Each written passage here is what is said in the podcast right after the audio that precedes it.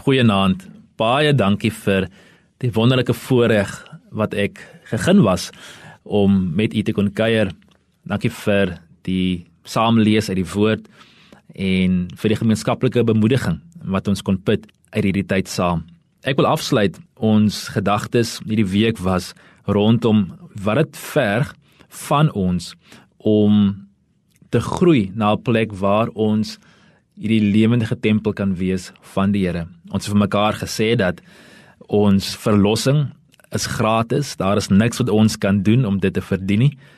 Uh dit is 'n geskenk van God. Hy het dit vir ons gegee en hy skenk dit vrylik vir ons en daarom kan ons dit ook vrylik uitleef aan ander.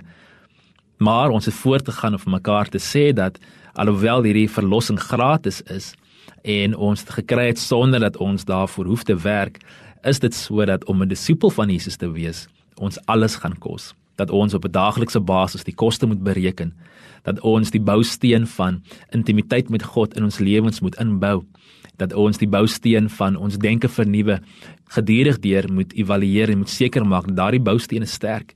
Dat ons moet seker maak dat ons bousteen van tyd in die woord van die Here en daaglikse gebed is is geanker in ons lewens.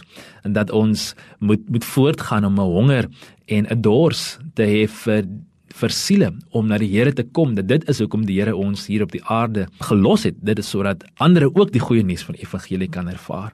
Het ook met mekaar gesels oor die feit dat ons saam as gelowiges juis dit is. Ons is gelowiges en dat ons in geloof moet leef dat ons nie moet toelaat dat omstandighede ons toekomsverwagtinge bepaal nie maar ons is kinders van geloof en ons geloof in God. Dit definieer ons. Hy is 'n groot God 'n wonderlike God 'n almagtige God.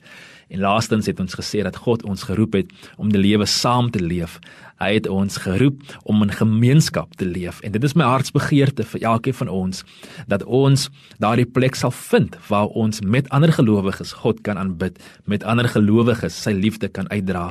Maar meer as die teenwoordigheid van enige een van hierdie boustene in ons lewens, is daar 'n belofte wat Jesus vir ons gegee het en hy het vir ons gesê dat dit beter is vir ons dat hy wat Jesus is weggaan sodat die Heilige Gees kan kom. En wanneer die Heilige Gees gekom het, sal hy ons alles leer wat ons nodig het. En dit is my hartsbegeerte vir elkeen van ons, dat ons 'n lewendige verhouding met die Heilige Gees sal ontwikkel en hom sal innooi in ons lewens weer eens om te kom en alles nuut te kom maak binne ons. Dat die dinge wat ons geleer het in hierdie week by ons sal bly, dat hy dit tot ons herinnering sal roep. En hier is die belofte wat God beloof het is vir julle en vir julle kinders en vir almal wat daar ver is, vir almal wat die Here ons God na hom toe sal roep. Julle sal krag ontvang wanneer die Heilige Gees oor julle kom en julle sal my getuies wees in Jerusalem sowel as in die hele Judea en in Samaria en tot in die uithoeke van die wêreld.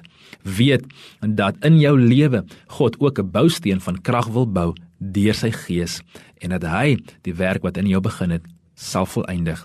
Die Here seën, mag die Gees van God met jou gaan oral waar jy gaan. Totsiens.